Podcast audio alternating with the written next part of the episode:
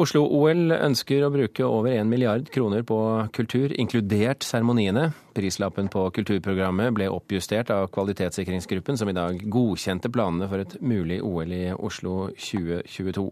Profilering av norsk kultur er blant de viktigste målsetningene for Oslo-OL, men hva kulturprogrammet skal inneholde, det er foreløpig uklart. Og vi kan kanskje få noe svar på det i dag her i Kulturnytt. Eli Grimsby, direktør for OL 2022, velkommen til Kulturnytt. Takk, takk. Et av hovedmålene for Oslo-OL er altså at det skal føre til økt profilering for norsk kulturliv. Hvordan skal dere få til det? Det som vi er veldig opptatt av, det er jo at kultur ikke skal bli noe vi legger utenpå som nærmest en glasur på en kake. Vi ønsker at kultur skal være en vesentlig del av arrangementet. Og det er viktig å trekke det tidlig inn i planleggingen.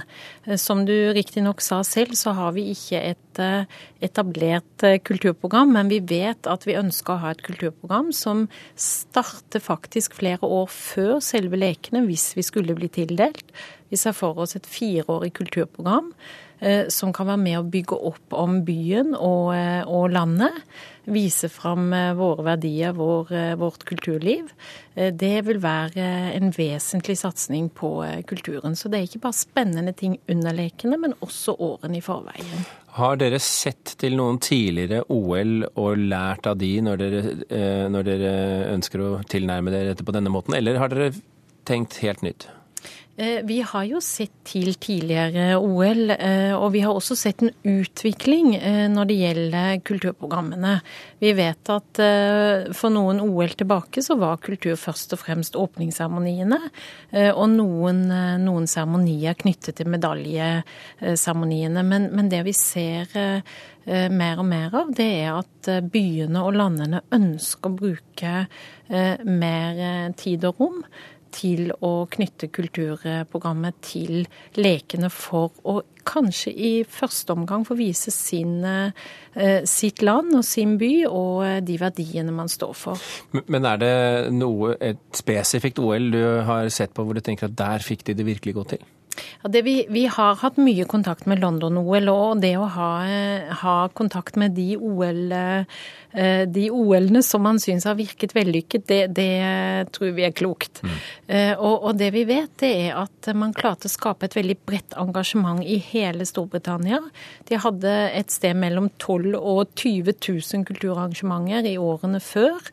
Og sånn sett så fikk de både satt et fokus på, men de fikk også utviklet kulturlivet bredt.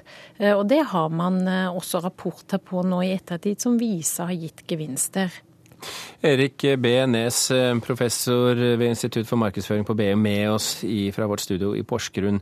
Du har jo forsket på markedsføringseffekten av flere store arrangementer. Er dette en god metode å drive markedsføring på? Vel, det er i hvert fall en veldig dyr metode. Det er jo som, som det sies her, en, man får en masse eksponering. Man får masse TV-coverage osv. Men i det store og det hele, i hvert fall internasjonalt, blir det jo snakk om en sånn én ganske enkel eksponering som går over få dager. Mens det å bygge holdninger, det er jo ofte en mye lengre prosess. Men hva vet vi egentlig, hvis vi går til forskningen, om effekten av et kulturprogram i OL? Det er ikke forsket noe særlig på det. Det er forsket på de økonomiske effektene av det. Hvorvidt man endrer oppfatning om produkter. Det er også forsket på hvorvidt man endrer oppfatning om land og folk. Men meg bekjent så er det lite forskning på effekten på, på kultur. Men hva sier denne forskningen om eh, endrede oppfatninger, da? Ja, Den, den er nokså blandet resultater. Det viktigste det er vel det at det ikke har noen særlig effekt.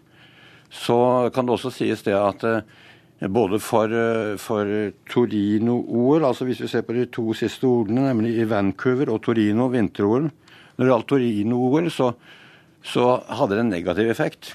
At folk etter OL hadde en, en litt dårligere inntrykk av Italia og italienere enn før OL. I Kina så er det samlet inn data både i Kina og i USA. Det viste også en negativ effekt, faktisk. Altså lavere holdninger etter OL enn før OL.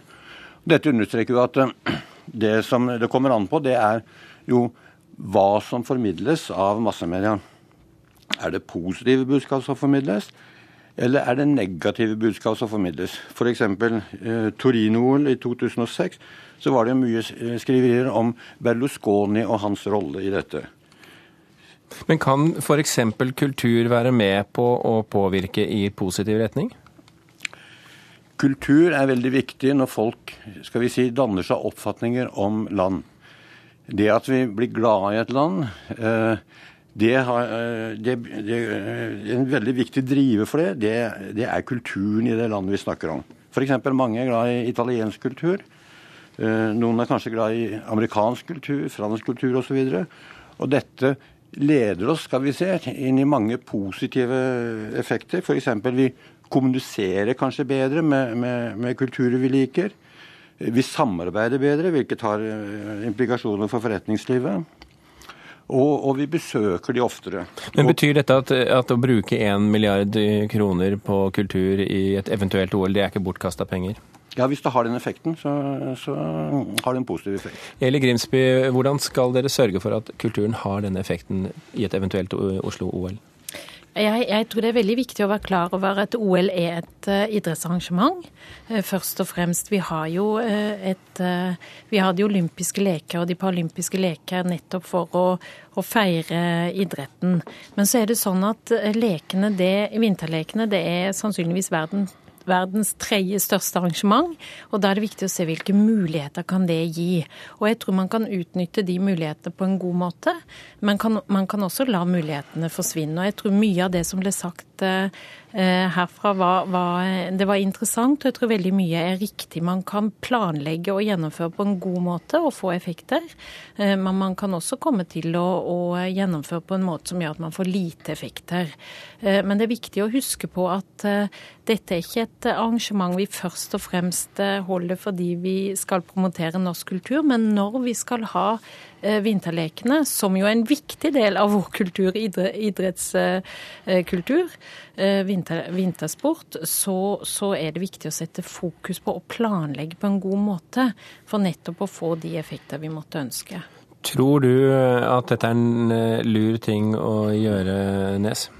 Jeg tror jeg har inntrykk av at uh, her i Norge, de som har vært ansvarlig for de store vinterarrangementene ganske nylig Lillehammer i 94 begynner jo å bli litt gammelt, men, men VM på ski er jo mye nyere.